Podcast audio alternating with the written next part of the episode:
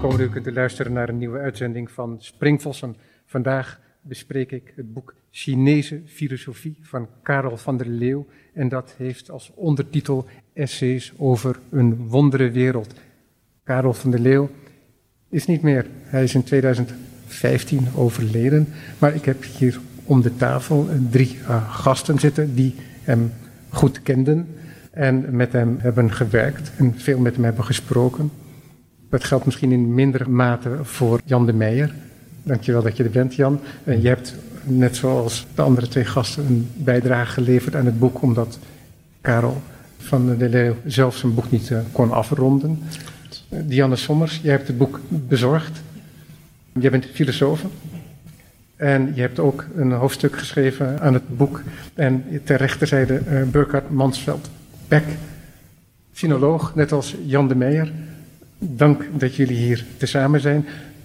Een andere persoon die aan het boek verbonden is, is uh, Jan Boor, filosoof. Die is vandaag niet bij, maar ik denk dat we een mooie gevulde tafel hebben al zo. Dank nogmaals dat jullie hier zijn. Het is een boek dat prachtig is uitgegeven door uh, Boom. Een genereuze, ingenaaide pocket. Of pocket. Uh, Heel mooi paperback. gedaan. Ja. ja. Karel van der Leeuw, Dianne. Zou je me iets over Karel kunnen vertellen? Nou, Karel is mijn uh, docent geweest op uh, de Universiteit van Amsterdam. En Karel was ook de reden waarom ik naar Amsterdam ben gekomen. Ik ben van origine ben ik uh, fysiotherapeut en acupuncturist. En ik wilde heel graag meer weten omtrent de achtergronden van het Chinese denken. Ik wilde met name de betekenis van een heleboel aspecten beter begrijpen. Zowel vanuit Chinese denken als ook vanuit de westerse filosofie. Um, en uh, degene die daar echt iets over geschreven had, was Karel van der Leeuw. Dus um, ik ben hem op gaan zoeken in Amsterdam. En dat is dus de reden waarom ik in Amsterdam ben gaan studeren.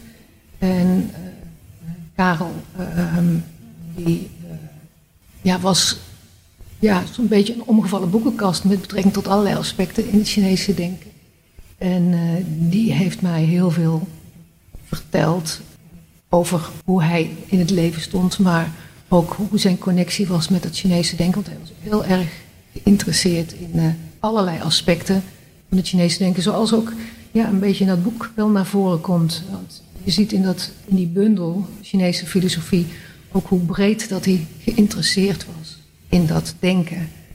En in de loop der jaren zijn we ook echt hele goede vrienden geworden van elkaar. We hebben veel samen gestudeerd, gestudeerd Chinese teksten gelezen. Uh, en uh, ja, daardoor ja, hebben we elkaar ook wel heel goed leren kennen. Ja, en hij heeft te kennen gegeven dat hij het heel erg op prijs zou stellen. Ja. Als jullie, als hij er zelf niet meer aan toe zou komen, zijn boek zouden kunnen afmaken. Nou ja, toen Karel ziek werd, toen kanker bij hem werd geconstateerd, had hij in eerste instantie een slechte prognose. En uh, werd hem te kennen gegeven dat hij waarschijnlijk niet langer dan een paar maanden te leven had. En toen heeft hij al aangegeven van dat boek waar hij mee bezig was, dit boek, als hij het niet af zou kunnen maken, dat ik het af zou moeten maken, dat ik het af zou moeten schrijven. En toen heb ik al meteen tegen hem gezegd: uh, zorg maar dat je, dat je het zelf af kan schrijven, dat het beter wordt. Um, dat je in staat bent om dat zelf te doen. En op de een of andere manier, ik weet niet hoe het hem gelukt is, maar toen hij een half jaar later uh, in het ziekenhuis kwam, toen bleken een aantal uitzaaiingen die hij daarvoor had niet meer aanwezig te zijn. En hij is toen wel verder gaan schrijven aan het boek, maar uiteindelijk lukte het toch niet om het boek af te schrijven. En daags voordat hij uh, overleden is, toen sprak ik hem nog in het ziekenhuis en zijn laatste verzoek aan mij was om daadwerkelijk zorg dat het boek afkomt. Wat ik uh, ook wel een hele bijzondere opdracht vond. En dan is het zo dat jullie dat boek hebben afgemaakt en dan uh, schrijf jij ook dat er bij hem toch wel een lachen uh, was losgekomen als hij dan had begrepen wie welk hoofdstuk ja, ja, zou ja, schrijven. Ja, ja, Omdat het samenvalt kennelijk met de voorkeuren van, van de persoon. Je hebt een hoofdstuk geschreven, Lichaam en Geest, achtergronden van de Chinese geneeskunde. Je zei zojuist al even dat je ook achtergrond fysiotherapie hebt gedaan. Ja, en acupuncturist. En acupuncturist, ja. filosoof. Ja. En ook ingevoerd in het Chinees. Uh, ja, ik heb ook uh, een, zes jaar op het Sinologisch Instituut klassiek Chinees gestudeerd. Ja. Dus ik heb niet de opleiding gedaan, dus modern Chinees spreek ik niet. Maar ik kan wel de klassieke taal een beetje lezen. Burkhard Mansveld-Beck. Ja. Sinoloog. Klopt. En mijn docent. En docent, docent van Diana Soms. Ja. En hoe, was jouw relatie met Karel van der Leeuw? Ik ben Karel eigenlijk pas goed leren kennen na mijn emeritaat uit Leiden. En op een of andere manier hebben we elkaar gevonden, want we wilden allebei iets doen met klassiek Chinees. En hij vond dat hij het niet kon. En toen hebben wij een clubje gehad van Diana, nog iemand, Sander en Karel en ik. En we kwamen denk ik eens in de week. Ja. En dat is jaren doorgegaan, ik weet niet hoe lang. En daar hebben wij, dichterbij zo, hebben wij jarenlang, uh, uh, dus elke week verder gelezen. De meest uiteenlopende onderwerpen. En met ontzettend veel plezier en met ontzettend veel verdriet dat het op moest houden. En uh, ik moet zelfs zeggen dat na dat clubje ik nog maar heel weinig aan Chinees doe. Ach, ja. ja. En Jan de Meijer, jij zei voorafgaand aan het gesprek dat jij niet bij dat clubje hoorde. Ja, precies. Ik, Karel en ik zagen elkaar één keer per jaar ongeveer in Utrecht. Want daar werden ook colleges gegeven over uh, filosofie in het algemeen. En vaak kwamen we elkaar daar tegen. Ja. Maar dus echt een, een intieme vriend van hem ben ik nooit geweest. In het boek wordt, denk ik wel een tweetal keer wordt er opgemerkt dat de Chinese filosofie heel vaak, of voornamelijk door sinologen, is benaderd. En tot op een zeker moment bijna niet door filosofen. Mhm. En dat dat um, ook van enorme invloed is geweest van hoe uh, het ontvangen werd. In het boek merkt Karel van der Leeuw ook op dat als het over Chinese filosofie gaat, dat het dan voornamelijk over de klassieke Chinese filosofie gaat. Dat gaat voor de, geldt voor de commentaren, maar het geldt ook voor de vertalingen hier in het Westen. Waar ligt jouw interesse? Mijn interesse ligt vooral bij het Taoïsme. En ook de, de, de dialoog, en soms de strijd tussen Taoïsme en Confucianisme. Um, boeddhisme. Ik ben ooit als student in Gent blootgesteld geworden aan zoveel boeddhisme, dat ik er een beetje een afkeer van gekregen heb, als ik ja. eerlijk mag zijn. Ja. Ja. Maar dus het is hoofdzakelijk de, de gigantisch rijke erfenis van het Taoïsme die mij het meeste boeit. Um, mijn proefschrift, herinner ik mij, denk ik, ging over, um, over een, een, een Taoïstisch-Confuciaanse synthese van een of andere 9e eeuwse denker. Dus ik weet ook wel het een en ander over uh, het Confucianisme, maar het is altijd het Taoïsme dat mij het meest trekt, omdat het zo um, ja zegt tegen het leven. Vooral daarom. Wat ik opmerkelijk vind, het boek dat heet Chinese filosofie, dat is ook bijna een grap, omdat het zo'n diversiteit kent. En we hebben het over Confucianisme, we hebben het over Taoïsme, maar tegelijkertijd zijn die ismen niet zomaar in één mooie definitie te vangen. Dat is vrij problematisch. Ja, dat, wij vinden het fijn om het Confucianisme te noemen. Dan denken we dat we iets zeggen, maar als je dan vraagt wat bedoel je daarmee, dan komt er gehakkel. Want het is niet zo vreselijk duidelijk wat het is. Taoïsme niet, ook niet. Ik bedoel, je kan de, naam van Lao noemen. Maar uh, wat het nou precies is, Taoïsme, ook daar stokt de uitleg. Ja, maar ja, want als het woord dat, is wel handig. Als je dat voor het eerst tegenkomt, dan heb je de neiging, ik als leek heb dan de neiging om dat aan die teksten te verbinden. Dan heb je voor het Taoïsme heb je dan de dwangte en de zojuist genoemde Lao Tse. En Confucius die heeft zijn gesprekken, zoals dat in het Nederlands wel eens vertaald is. En dat is dan heel overzichtelijk. Dan heb je een tekst en dan weet je dat er in een vertaling van alles geslachtofferd wordt, omdat uh, dat niet direct vertaald kan worden en omdat er ook een heel cultuurgoed aan zo'n tekst verbonden zit waar ik niet mee bekend ben. Maar dan heb ik wel iets waar ik me op kan richten.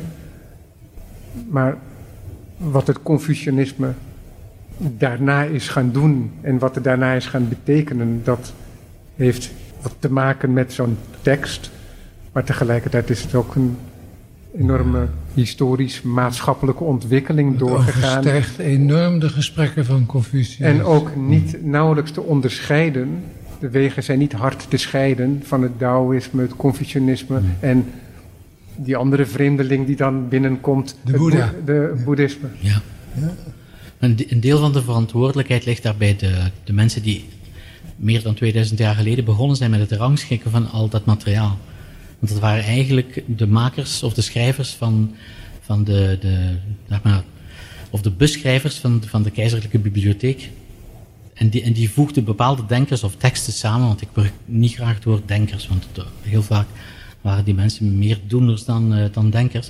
Maar eh, zij brachten die mensen of die teksten samen in, in families, in ja. En uit die families zijn dan onze ismen gegroeid. Maar die dekken dus een enorm, enorm, enorm brede lading. Met Ja. heel veel overlappingen. Want er, zijn, er is zelfs één familie die eh, uitblinkt in het zijn van geen familie. Dat heet, in het Chinees heet dat dan Zatya, dat zijn dan de zogenaamde gemengde geschriften.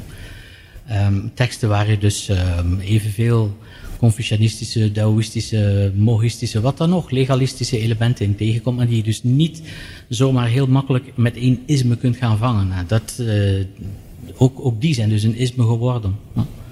En dat speelt ons in zekere zin nog altijd part dan. Ja. Ja. Dan word je sinoloog genoemd. En dan sta je dan tegenover zo'n enorme cultuur. Ehm, je kent natuurlijk gewoon ongetwijfeld wel je specialisten, maar dan is er ook nog het woord filosofie. Daar hebben wij een bepaald idee van. Ook de mensen die zich er niet heel druk mee bezighouden, hebben daar wel denk ik een idee van. Wat is filosofie voor een Chinees? Is daar een duidelijk antwoord op te geven, Diana? Ik zou niet weten wat filosofie echt voor een Chinees zou, zou betekenen. Behalve dan eh, dat hij voor zichzelf een begrip vormt, een betekenis geeft aan zijn bestaan, waar hij vandaan komt. Maar filosofisch denken zoals dat hier gemeengoed in het Westen is, dat is niet iets wat eh, in het Chinese denken echt bestaat. Als ik dit boek, heb ik met veel plezier gelezen, maar dan is het, komt er toch iets naar voren waardoor je eigenlijk geen onderscheid kunt maken tussen filosofie en religie. Dat is zeer nauw met en, elkaar en verbonden. soms is ja. dat zelfs helemaal onduidelijk, want Confucius, die dacht ik zelf altijd heel wereldlijk. Maar dan lees ik ook ergens dat Confucius, volgens mij was het ten tijde van de Song, zo in onze, onze middeleeuwen, onze post-Carolingische tijd, dat Confucius eh, vergoddelijkt is dan tegen die tijd. Mhm. Waardoor het enorme religieuze aspecten krijgt. Mag ik daar heel kort iets als eh, graag. een eh, mm, sinoloog over zeggen? Voor het einde van de 19e eeuw, rond zeg maar 1875, toen de westerse wetenschappen via Japan en China zijn binnengevoerd, bestond er in de Chinese taal geen woord voor filosofie en ook niet voor religie. Dus heel vaak is het zo, moet je toegeven als je, die, als je de, de oude teksten eerlijk leest, dat elk filosofisch werk ook wel zijn religieuze dimensie heeft en dat elk religieus werk ook wel een filosofische dimensie heeft. De Chinezen hebben het niet nodig gevonden op de een of andere manier tot die tijd, voor de confrontatie met het Westen, om, om die twee apart te gaan benoemen. Religie was heel diffuus aanwezig in de Chinese maatschappij, want goden waren overal te vinden. En wat wij filosofen noemen, zijn natuurlijk lang ook niet de academische filosofen zoals wij ze nu kennen. De meeste mensen die wiens naam eh, verbonden wordt met ehm, een bepaald filosofisch tussen aanhalingstekens eh, eh, werk, eh, waren in de praktijk heel vaak mensen van de actie. De- Confucius was geen filosoof. Confucius was een leraar, was een, een would-be staatsman en zo verder. Van de Taoïsten weten we veel minder, want die schuwen meestal het, eh, daglicht en, eh, en, en verschuilen zich liever langs, eh, achter een, een, een, naam gewoon. Hè. Lao Tzu, de oude meester, en Zhuangzi, daar weten we ook zo ongeveer niks over. En Lietze weet wel helemaal niks over. Lea is niet eens een familienaam. Hm. Maar in elk geval, eh, de, de interactie tussen elementen die wij bestempelen als filosofisch en religieus, daar moet je altijd de, de, een open oog voor houden. En je kunt niet zeggen van, ehm, er zijn geen religieuze elementen in, in, in Confucius of in het Confucianisme. Zeker niet. Ja. Ah. Ik wil me verhouden van eh, het punt dat ik ga zeggen wat het dan wel zou kunnen zijn. Maar ik heb wel altijd heel sterk de indruk dat het Chinese ver weg blijft van de definitie, van de, de, de affirmatie, de bevestiging. Maar dat er altijd nog weer een, ergens een ontsnapping in zit. Kan je daar iets mee? Nee, niet. Ik weet niet precies wat u daarmee bedoelt. Ze zijn ver weg van de affirmatie. Ja, Ze zullen zelf niet Confucianisme definiëren. Ze zullen hooguit zeggen dat is een verzameling teksten die in de bibliotheekcatalogus uit het jaar nul uh, uh, onder de familie van Confucius staat. Maar definiëren zullen ze het geloof ik niet. Taoïsme ook niet, boeddhisme ook niet. Dat heeft te maken met de Boeddha. En Ja, dat nee, ik, sprak, ik zei jullie net al dat ik er eens een gesprek heb gehad met Christopher Schipper, Ja. sinoloog eh, voor Radio 5. En dat ik een uur lang geprobeerd heb om hem bevestigende uitspraken te ontlokken over wat dan eh, het Taoïsme zou kunnen zijn. En dat, Oh nee, dat gaat Nee, dat lukt niet. maar dat is dan misschien de eigenschap van wat dan het Taoïsme zou kunnen zijn. Ja, ik geloof dat we niet altijd mysterieus moeten zijn. Want christendom is ook verduveld moeilijk te, eh, te definiëren. Als je van de orthodoxe tot aan de, weet ik wat, de baptisten in Amerika gaat. Dat is allemaal christendom, maar ik zou ook niet weten hoe je dat nou moet definiëren. En net zo in Taoïsme. Boeddhisme, ja, de Boeddha speelt daar een rol. Confucianisme. Ja, Confucius. Confucianisme is denk ik van de drie grote hè, het moeilijkste te definiëren. Ja, ja. Al- alleen al het, het uitleggen van wat de naam Confucianisme betekent, is minstens een boek. Dat is toch frappant, want ik dacht juist, nou als er eentje dan nog enigszins te definiëren is, dan zal dat het Confucianisme zijn, omdat er dat boek is en omdat het zo lang verbonden is geweest ook met de macht en als een soort duidelijke ordening ook van de wereld en niet alleen van gedachtegoed, dus van het praktische handelen. Maar toch, die gesprekken van Confucius, die zijn haast ondergesneeuwd in latere commentaren en andere werken. En dus de gesprekken zijn heel belangrijk, maar misschien toch niet het belangrijkste om Confucius te begrijpen of om Confuci- Confucianisme te begrijpen. Dan moet je naar de staatsinstellingen, kijken naar de examens, eh, waar China zo beroemd om is. eh, dat zijn Confucianistische examens. Als je die vragen leest, dan zie je, die moet je beantwoorden in Confucianistische zin van een zakje. En die examens, dat is de spil van het leven, de carrière van de ontwikkelde Chinees geweest. Of die nou, en dat is dan het mooie, in zijn privéleven, vooral aan de Boeddha-dag, of vooral Lao Tse toch interessant vond, maar voor je carrière moest je weten wat de Confucianistische commentaren waren en hoe bepaalde dingen uitgelegd moesten worden. En dat deed je dan braaf. Dus eh, ook juist het feit dat het een staatsreligie is of een staatsfilosofie, heeft er ook veel aan bijgedragen dat heel veel Chinezen dat gewoon maar op de koop toenamen en verder eigenlijk gewoon deden wat ze zelf wilden. En dat vond men ook helemaal niet erg. Dat, eh, nee, daar werd niemand op eh, aangekeken. Waardoor op dagelijks niveau die verschillende ismen heel gemakkelijk in één leven door elkaar konden lopen. Zeker hoe dieper je kon eh, in de samenleving, dat weten we dan uit romans die echt op het lage niveau spelen. Ja, ik bedoel, eh, eerbied voor de ouders. Ik geloof dat dat ook op het allerlaagste niveau wel steeds er weer bijgehaald wordt. Ook bij marktkooplieden. Maar zodra het over enigszins over hogere puntjes gaat, nee, nee, nee. Het is ook natuurlijk het probleem dat er enorm, het zijn enorme generalisaties, hè, want we hebben het over China. Als het dat echt één eh, streng bepaalde entiteit is.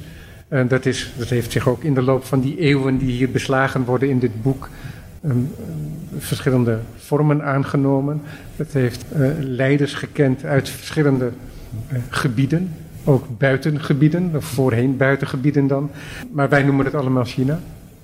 En net als dat we dat dan ook doen met filosofie of de filosofieën en de religies.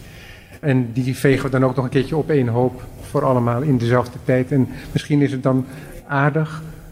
Tenzij jij nog wat wilde zeggen, Jan de Meijer. Ik wilde daar nog iets, een heel klein Ja. dingetje aan toevoegen. Er is misschien één element wat, ehm, om, om, om te definiëren wat is een filosoof in China. Er is één elementje wat ze allemaal gemeen hebben, en dat is die wil om orde te brengen in chaos. Het zijn allemaal brengers van orde. Alleen zijn de wegen die ze uitgekozen hebben om aan die ordening te werken, andere wegen. De Confucianisten doen het op hun manier, met, ze hebben bepaalde deugden waar je naar kunt streven. Het Taoïsme ehm, doet dat op een heel andere, bijna anarchistisch aandoende manier. Hè? Dus via de, niet via het brengen van wanorde hoor, maar eh, zelfs de, de, in de mohistische logica bijvoorbeeld. Eh, het lijkt een, een spel met de taal te zijn, maar het heeft altijd een dieper doel. Want als je, als je geen orde brengt in de taal, dan kun je ook geen orde brengen in het maatschappelijk leven. Dus het gaat altijd maar om het brengen van orde. En ik denk dat dat misschien voor, eh, voor de teksten van, die dan meer met geneeskunde te maken hebben, dat het ook voor een deel zo, eh, zo opgaat. Ja. Dank je wel dat je daar alvast naartoe gaat, inderdaad. Want dat was inderdaad de Mag ik ook nog één klein Ja, dingetje. Ja, over. Confucianisme? Dat eh, men is er zo makkelijk beduveld. Want als men nu naar China gaat, dan ziet men dat die Confucius-tempels, die zijn overal weer mooi opgeschilderd. En daar gaan de Chinezen in drommen naartoe. Nooit vergeten dat in het klassieke China Confucius een ontzettend koude, verwegge persoon was. Daar mocht je niet eens aan offeren als je tot het volk behoorde. Alleen hoge magistraten mochten aan Confucius offeren. Voor het lagere volk bestond hij niet. En dat was ook zelfs een beetje zo met de Boeddha. Eh, de bodhisattva's, daar kon je aan offeren. Maar het meest kon je natuurlijk offeren in China. En dat is de vierde, een beetje afwezig uit dat boek. eh, de Chinese volksreligie. Dat waren de echte goden van China, van het volk. En dat waren er duizenden. Ik dacht eigenlijk dat Daoïsme daar misschien wel een soort verzamelterm voor was. Nee, Maar daar zit ik ik niet. dus ook weer Nou, naast. Nee, Taoïsme is, is, Ik kan alleen maar planken mislaan. Taoïsme is, is niet hetzelfde als de volksreligie. Alhoewel dat er heel veel overeenkomsten zijn tussen beiden. Maar Taoïsme heeft zich heel vaak afgezet tegen de volksreligie. En heeft zelfs opgetreden tegen wat zij zagen als de excessen binnen ehm, de volksreligie. En is dat dan, betreft het dan een specifieke periode? Dat verzet?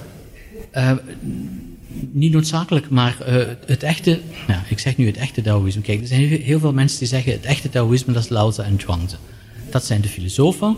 En alles wat daarna gekomen is, is een soort van religieuze verbastering vol volksbijgeloof en wat dan nog. Maar het, het echte Taoïsme, volgens sommigen dan toch, begint pas in de tweede eeuw na Christus. Met de beweging van de hemelse meesters. Toen in het verre westen van, westen en noordwesten van China. En dan later uitgespreid naar het, eh, het, En dan het zitten hele vasteland. een paar honderd jaar na de grote auteur van het Inderdaad. Daoïsme. Inderdaad. Nou, Lao werd door die mensen gebruikt als, als, ehm, als schoolboek, zeg maar. Eh, Alle volgelingen van de weg van de hemelse meester werden onderwezen in de Tao Te Ching, vergezeld van een commentaar geschreven door wellicht de kleinzoon van de zogenaamde stichter van die beweging, waar we heel weinig over weten. Maar als je dat dus beschouwt als het Taoïsme, niet ergens een of andere obscure, eh, geïsoleerde denker of filosoof, wat dan ook, die je werk heeft achtergelaten, maar het Taoïsme als een massabeweging, met zijn eigen organisatie, met zijn eigen instellingen. Want men spreekt in die, in die context altijd over een, een, een theocratisch koninkrijk. In het begin geïsoleerd in wat nu Sichuan is, en, eh, maar dan later uitgebreid naar heel China. Eh, als je dat gaat bekijken en je gaat de geschiedenis daarvan. Want die, mensen zijn tot tot de dag van vandaag actief. Nou, en ehm, eh, ze hebben natuurlijk heel veel goden. Het ging daar net over, jij zei duizenden goden. Er is één telling in een Taoïstisch geschrift uit, ik weet niet wat, derde of vierde eeuw of zoiets. En daar wordt gesproken over het aantal van 36.000 Alsjeblieft. goden per lichaam. Elk mensenlichaam beschikt over 36.000 goden. Eh, dat lijkt absurd. Heel veel mensen beginnen spontaan dan te lachen en zeggen van... Wat, wat heeft dit nog met filosofie of wijsheid of wat dan ook te maken? Maar dat drukt iets uit over de manier waarop alles in China gesacraliseerd is geworden. Ooit. Lang voordat Manchus, missionarissen, Marxisten, Maoïsten, maar als het maar met een M begint en buitenlandse roots heeft, aan de grote desacralisatie van China begonnen zijn. Alles was sacraal, gewijd. Elke grote boom had zijn eigen godheid, elke heuvel had een god, elk gebergte had een god, en zo verder. Maar dat is de absolute uitdrukking dan van het idee dat het kleine verbonden is met het allergrootste. Precies, precies. Alles is verbonden met elkaar. Dat is een van de dingen die mij in het, in het, Taoïsme, maar ik ga, ik er verder niet veel reclame over maken, maar die, die mij daar zo in aantrekken. Precies omdat de mens niet gescheiden wordt van de rest van de schepping. En ook omdat alle aspecten die samen de mens maken, fysiek en spiritueel, wat dan ook hoe je het ook wilt noemen, dat daar ook een organisch verband tussen bestaat. Gebruik je dan heel bewust het woord schepping zojuist? Ja, want er, er is geen schepper, maar er is wel een schepping. Uh, Zhuangzi spreekt over, de, over een begrip. Je kunt het je voorstellen als, hij zegt dat zelf vrij letterlijk in, in, in het boek waar zijn naam um, mee verbonden wordt. Als ik doodga, dan vervallen de elementen waaruit ik besta weer, die gaan op in de aarde en die worden weer opgenomen in die reusachtige smeltkroes, zeg maar, die de schepping is. En waar dus voortdurend afgestorven materiaal gerecycled wordt. Maar er is dus een voortdurende schepping aan de gang. En tot stof Alleen, zult gij wederkeren. Ja, maar uit dat stof zal dus weer... Uh, het, het, stof wordt meststof voor uh, een jonge generatie. Hm, een nieuwe generatie. Ah. Geneeskunde. Ja. Janne Sommers. Nou, een beetje in aansluiting ook op wat Jan de Meijner zojuist zegt. Dat is ook hetgeen wat, wat mij aanvankelijk heel erg heeft aangetrokken om acupunctuur te gaan studeren. Om vanuit dat voor mij toch wat gefragmenteerde westerse medische denken. Om in aanraking te komen met een, met een, met een geneeskunde die um, het hele lichaam als een geheel ziet. En feitelijk een, een medisch model heeft waarin alle onderdelen van je lijf met elkaar verbonden zijn in een samenhangend systeem. En dat samenhangende systeem kent ook een, een, een eigen fysiologie, kent een eigen pathologie. En die uitdrukking um, van het menselijk lichaam uh, is een hele, hele aparte, hele bijzondere manier om naar het menselijk lichaam te kijken. En daarnaast hebben ze dan ook nog een eigen therapeutische richting die dan de stromingen in dat geheel kan beïnvloeden. Dus op het moment dat er ergens storingen zijn, uh, in, aan de linker of aan de rechterkant, aan de boven- en de onderkant of aan de binnenkant, in een bepaald orgaansysteem, kan je dus uh, met behulp van de kennis van hoe alles met elkaar samenhangt, kan je kijken hoe je daar meer ordening in kunt krijgen. Dus, dus dat, dat hele Chinese denk ik komt ook weer terug in het terugvinden van een, een ordening in een, in een lijf waarin alles in beweging is, waarin alles steeds stroomt, maar waarin wel een, een ordening aanwezig is die, die maakt dat iemand zich goed in zijn vel voelt. En wanneer er dus een probleem is ergens, wanneer die ordening doorbroken is, iemand klachten krijgt, heb je dus ook een, een model om naar het lichaam te kijken hoe je die ordening weer kan herstellen. En weer eenheid in de, in de verschillende componenten kunnen. Misschien mag ik hier nog weer. Ik heb het al tegen Diane heel vaak gezegd. Ik geloof helemaal niks van, uh, van de Chinese medicijn. Maar ik vind het prachtig. Ik vind het systeem zo schitterend in elkaar zitten. Ik lees er zo graag over. Ik vind het zo mooi doordacht. Doe, nogmaals, ik geloof het niet, maar ik vind het prachtig. En het is ook heel mooi opgezet. Theoretisch klopt het helemaal. Als een constructie? Ja, als de constructie is fantastisch. Zoiets als communisme. Ik, dat had ik het zo even over. Dat is ook een beetje de afwezige hier. Want communisme is toch ook wel degelijk een filosofie van China, zullen we maar zeggen. De manier waarop zij dat hebben geadopteerd. Nou ja, de, eerder nog. Ik moest college geven communisme. Dat deed ik met veel enthousiasme. Want het is een prachtig systeem. Maar het werkt niet in de praktijk. Dat, uh, en zoiets heb ik ook met Chinese geneeskunde. Schitterend. Of het werkt, laten we zeggen, dat blijft in het midden. Nou, er is gelukkig ook heel veel onderzoek naar gedaan. En uh, natuurlijk is het zo dat het in het verleden het, Chinese denken en de Chinese geneeskunde vooral ook een, een, geneeskunde was die vanuit de overlevering werkte. Maar de laatste 50 jaar is heel veel onderzoek gedaan, ook omdat uh, het westerse denken vereist dat er, uh, dat er bewijs wordt geleverd daarin. Dus, dus in die zin uh, kan je zeggen dat de Chinese geneeskunde zich steeds meer heeft aangesloten bij datgene wat de, de westerse geneeskunde vereist. Maar het werkt anders. En het, het laat zich niet altijd even gemakkelijk bewijzen als bijvoorbeeld een westerse geneeskunde. Omdat de Chinese geneeskunde ervan uitgaat dat ieder mens uniek is.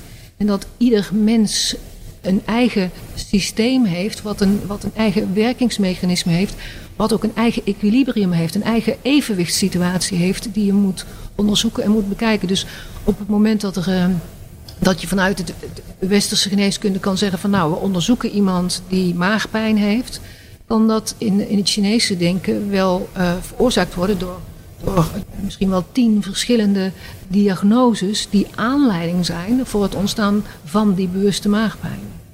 Dus het opzetten van een goed onderzoek vereist in het westerse denken altijd dat alle parameters uh, zoveel mogelijk gelijk zijn. En omdat de diagnoses al niet hetzelfde zijn, moet je, moet je dat steeds per, per casus moet je dat gaan bekijken. Wat westers onderzoek bemoeilijkt. Dus we zijn er nog steeds niet helemaal uit in een rechtstreekse vergelijking daarin.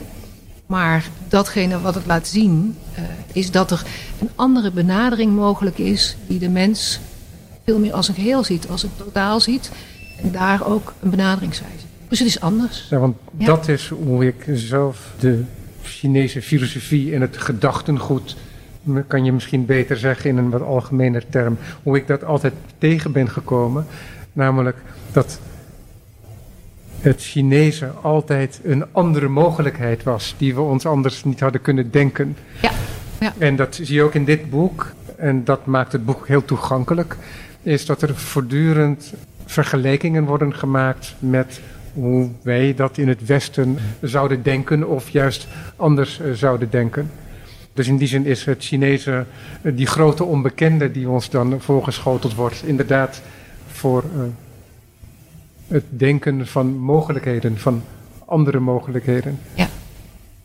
ja op een andere manier kijken naar de mens, naar uh, wat ziek zijn betekent, uh, is voor mij een hele grote eye-opener geweest om uh, de mens niet, niet, niet te zien als een verzameling van aparte stukjes. Want dat, dat is wel een beetje wat het westerse medische denken doet. Heb je ergens last van, dan wordt dat stuk benaderd en bekeken. En uh, voor, het, voor Chinese denken is het iets wat niet los kan bestaan zonder naar het totaal te kijken. Ja. Nou, nou zie ik de waarde daarvan in. Een nieuwsgierig mens. En ik ben dol op, uh, op concepten die altijd weer een nieuwe blik op de werkelijkheid mogelijk maken. Maar er bestaat altijd dat grote gevaar, wat in, met filosofie vaak gebeurt. Namelijk dat iemand een beetje gaat winkelen een beetje Kant en nog een beetje Hegel en dan doen we nog een beetje Derrida erbij. En dan hebben we dit vandaag. En dat wordt dan gepresenteerd als een gerecht, maar het is helemaal geen gerecht. En dat gevaar bestaat ook met het Chinese. Hoe is dat voor jou, die uh, enerzijds bekend is met de Europese blik op het omgang met menselijke fysiologie, en dan die um, Chinese geneeskunde? Je bedoelt... Is, dat te is er een synthese te maken? Um, ik weet niet um, of je uh, met een synthese bedoelt dat er een, een, een, beetje van het westerse en een beetje van het Chinese denken tegelijkertijd in zit. Voor, voor mezelf is, is dat uh, voor, voor een gedeelte wel zo, denk ik, omdat ik zowel een stuk westerse geneeskunde als Chinese geneeskunde heb bestudeerd en heb bekeken. En ik denk dat, dat je in, uh, in een synthese kan zien dat je uh, op sommige momenten ervoor kan kiezen om, uh, om vanuit een westerse benadering het specifieke, het onderzoekende, het, het nauwkeurig analyseren van een bepaald probleem te gebruiken om een, probleem aan te pakken. Maar daarbij um, vanuit het Chinese denken meenemend dat het toch altijd gaat om het totaal. En dat het toch altijd gaat hoe iets in relatie tot iets anders staat. En hoe het in relatie tot een grotere context staat.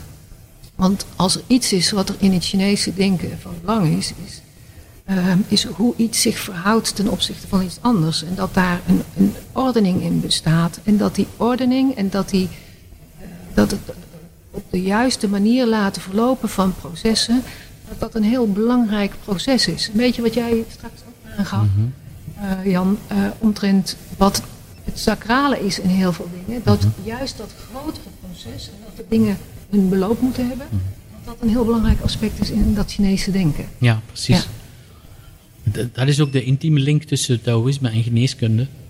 Want soms zijn die nauwelijks van elkaar te onderscheiden.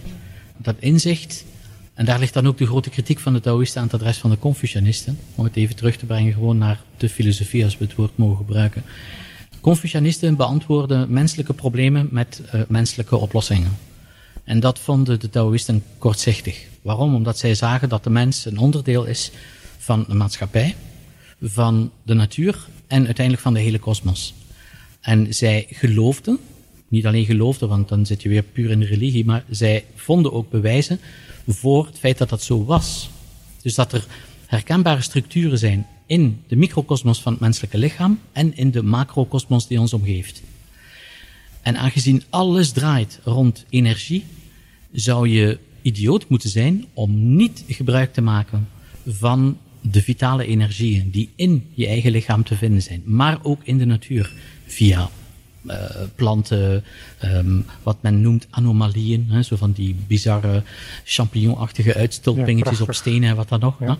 Tot en met de astrale energie, waar je in kunt geloven of niet, doet er niet toe. Uiteindelijk gaat het om het zien van de bredere structuur waar de mens maar een klein onderdeeltje van is. En ook nooit vergeten dat het gaat in de eerste plaats om een praktijk.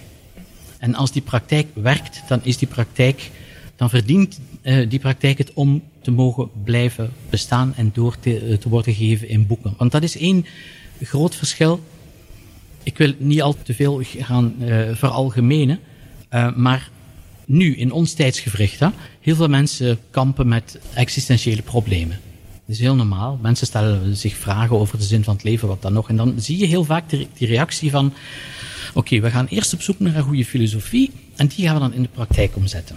Maar in China is dat dus net omgekeerd. Daar begin je met de praktijk en vaak is dus de filosofie of de teksten die wij nu filosofen noemen, zijn de neerslag van een praktijk. En dus niet een theorie die uitgebouw, uitge- uitgebouwd wordt eh, tot een praktijk, maar omgekeerd. Je hebt iets uitgeprobeerd, dat heeft dit en dit en dit resultaat gehad, je hebt dit voorbeeld gezien. Daarom is er ook zoveel anekdotische literatuur. En niet alleen anekdotisch, maar ook historische anekdoten. Ik bedoel dingen die echt gebeurd zijn. Dit is ooit een, een, een, een probeersel geweest. Het, eh, de uitkomst daarvan was dit. Leer daar iets Het is niet uit. altijd even Maar- duidelijk om het een van het ander te onderscheiden. nee, natuurlijk niet. De echte, niet. de echte anekdote of de vertelling. Ja. ja. zeker. Maar theorie is altijd gekoppeld aan praktijk. Dat is een, de, de weg van, die, niet alleen de weg van de Taoïsten is, Ja. de weg is er om bewandeld te worden. Hè? Wat heb je aan een weg als je hem niet bewandelt? En hoe zit het dan met de praktijk van de demonen en de geesten waar je een Ja. hoofdstuk over geschreven hebt? Die zijn, die zijn overal Ik natuurlijk. hè. étonné om dat in het boek eh, te vinden. Ik vond het zeer moedig van Karel dat hij beslist heeft van kijk, ik wil een hoofdstuk daarover. Net zoals hij zelf ook een hoofdstuk heeft geschreven over onsterfelijkheid. Dat is ook niet noodzakelijk een thema dat je tegenkomt in zogenaamde overzichten van de filosofie. Want heel vaak worden die onsterfelijkheidsfilosofen afgedaan als, ehm, als avonturiers of mensen die in ik weet niet wat geloven, zonder dat er veel harde bewijzen zijn, zonder dat er echt veel op een diepgaande filosofische manier geredeneerd kan worden. Ja. Maar eh, om het even heel kort dan te hebben over goden, geesten, demonen. China heeft enorm veel vormen van ellende gekend. Alleen de ellende van één groot monotheïsme is hun bespaard gebleven. en de godsdienstoorlogen die daar heel vaak het gevolg van zijn. Waarom, had ik al even aangegeven, maar er, goden schuilen dus overal. In alles wat bestaat. In elke rots, in elk natuurelement, in elke mens. Alles is sacraal. Dat betekent dat je enorm veel goden hebt en die hebben allemaal een kleine deelverantwoordelijkheid. Je hebt dus geen oppergod die in staat is om alles te besturen. Je hebt geen enkel wezen dat alwetend is. Je hebt wel iets dat alles doordringt, maar dat is dan niet in woorden te vatten. Dat is dan de taal, waar het geen enkele zinnige discussie over gevoerd kan worden. Want alles wat je erover zegt is of te weinig of te veel. Maar wie Goden zegt, heeft het ook over de, de heel poreuze grenzen die bestaan tussen categorieën die wij netjes van elkaar scheiden. Voor ons is het heel moeilijk om, om op te klimmen tot de status van God. Voor Chinezen is dat mogelijk. Een mens die iets gedaan heeft wat heel bijzonder is, zal postuum vergoddelijkt worden. Het is gebeurd met Mao Zedong. Het is nu volop aan, aan het gebeuren. Ja, uh, eind jaren tachtig was hij al uh, de favoriete beschermheilige van uh, taxichauffeurs. En nu zijn er Taoïstische tempels. Nou, je moet voorstellen, 30 jaar lang heeft Mao Zedong geprobeerd om het Taoïsme uit te roeien. Behalve dat één dat ene takje van omgaan met het menselijk lichaam, dat dan Qigong geworden is en nu een onderdeel is van TCM en zo verder. Maar de, de hele antieke religie heeft hij willen uitroeien. In zijn geboortestreek, in, in, in de provincie Hunan, wordt hij vereerd in Taoïstische tempels als een heilige. Hij hangt daar dus nu gewoon tussen Lao en tussen de andere godheden die uh, in het Taoïsme vereerd worden. En wat maakt dat hij dan vereerd wordt als een heilige? Alweer gaat het om energie, over de chi. Iemand die niet beschikt over buitengewone, maar buitengewoon met een heel grote B, uh, hoeveelheden energie, is niet in staat te doen wat Mao Zedong in zijn leven gedaan heeft. Ook wanneer dat impliceert dat hij 100 miljoen doden in zijn kielzog heeft achtergelaten. Dat wordt hem niet ten kwade geduid. Um, wat hij heeft gedaan voor zijn volk duidt erop dat hij innerlijk over voldoende materiaal beschikte om na zijn dood vergoddelijk te worden. En dat is dus een proces dat volop aan de gang is. Maar wat je dus ook in de geschiedenis kunt zien. de, de, je hebt de, een, een godinnetje, uh, Matsu, wat een heel bescheiden meisje was, maar op haar 16 is, uh, is uh, gestorven, denk ik, tijdens een poging om verdrinkende familieleden te redden. ik kan me vergissen, maar het, het gaat in die richting. Nou, zo iemand wordt dus postuum ook vergoddelijkt. Zie je dus die, die, omdat zij dan wonderen gaat verrichten. Ja. Daar, gaan, daar nou komen we op bekend terrein. Ja. en, dan, en dan wordt er een tempeltje gebouwd ja. aan haar. Sommige van die enkele, maar heel weinige, die verspreiden zich over een groot gebied. De meeste van die goden blijven ontzettend lokaal. Hm. En echt een oppergod, die, als die er al is, is dat de hemel. En daar mag niemand aan offeren tenzij je de keizer bent. Dus ja. daar heeft het volk helemaal niks aan. Maar er heeft nooit iets bestaan als een inquisitie? Nee. Nooit. Nee. Nooit. Behalve in de. Er zijn een aantal boekenverbrandingen geweest. Mao daar misschien nog uh, Mao Zedong heeft, heeft, heeft, heeft, heel veel natuurlijk vernietigd ja. van de oude cultuur. Maar er is ook gewoon heel veel van buiten geleerd. En daarom is er dus een, bijvoorbeeld, heel concreet dan over het Taoïsme, een nieuwe generatie Taoïsten ontstaan die de teksten van voor 1949 uh, uh, uit het hoofd kenden. Dat is precies wat 2000 jaar geleden daarvoor gebeurd is met de eerste uh, Adolf Hitler van de Chinese geschiedenis, de eerste keizer. Die heeft ook geprobeerd de Confucianistische kanon helemaal te vernietigen. Maar mensen in die tijd uh, leerden heel goed van buiten. En heel veel van die teksten zijn daarna ook weer neergeschreven geworden. Er is een, een, een, een literaire inquisitie geweest in de 18e eeuw. Uh, onder keizer Qianlong. Die, die als begeleidende maatregel voor het samenstellen van de, de grootste paleisbibliotheek ooit, de, de, de heeft die ongeveer 3000 boeken, ik zeg niet exemplaren, hè, maar dus alle exemplaren van 3000 werken, waar iets in stond wat als belediging kon worden ervaren aan het adres van de Manchus, want hij was zelf een Manchu, al die boeken zijn vernietigd geworden. Er zijn, er zijn heel veel we hebben het overleefd hoor, maar er zijn effectief dus van 3000 werken waar iets beledigend aan het adres van, van de Manchus in stond, zijn alle exemplaren fysiek van deze aardbodem verdwenen. Ja. Dus er zijn inquisities geweest, maar niet in de religieuze zin. Kijk, iemand die, iemand die s'avonds uh, verslag uitbrengt aan zijn voorvaderen in zijn huisaltaartje, wat je in heel veel uh, Chinese families weer ziet, die is confucianistisch bezig. Als hij daarna een, uh, naar een Taoïstische tempel gaat om een wierook te branden voor een, uh, voor een Taoïstische godheid, dan is hij Taoïstisch. Als hij daarna hetzelfde doet in een boeddhistische tempel, zou je hem ook een boeddhist kunnen noemen. In feite is hij dus alle drie, maar geen van beide. En er is geen overheid geweest die uh, voor lange perioden van tijd beslist heeft van kijk, dit is nu de orthodoxie en de rest moet verdwijnen. Dat is er niet geweest. Vandaar dat ik het had over het vermijden van de, van de ellende van de um, bijwerkingen van sommige monotheïsmen, Ja. om voorzichtig te blijven. Ja, mhm. Behalve dat de staat natuurlijk wel zei, Confucianisme is de weg naar een ambtelijke carrière. Ja. Je mag Taoïsten, je mag Boeddhisten, maar dan verloopt je carrière anders. Of je doet net of je Confucianist bent en je beantwoordt de vragen op de staatsexamens goed. Dat eh, was een goede weg. Is er dan ook, omdat er zoveel continuïteit is, zijn er ook veel meer boeken overgeleverd percentueel dan van onze oudheid, de westerse oudheid?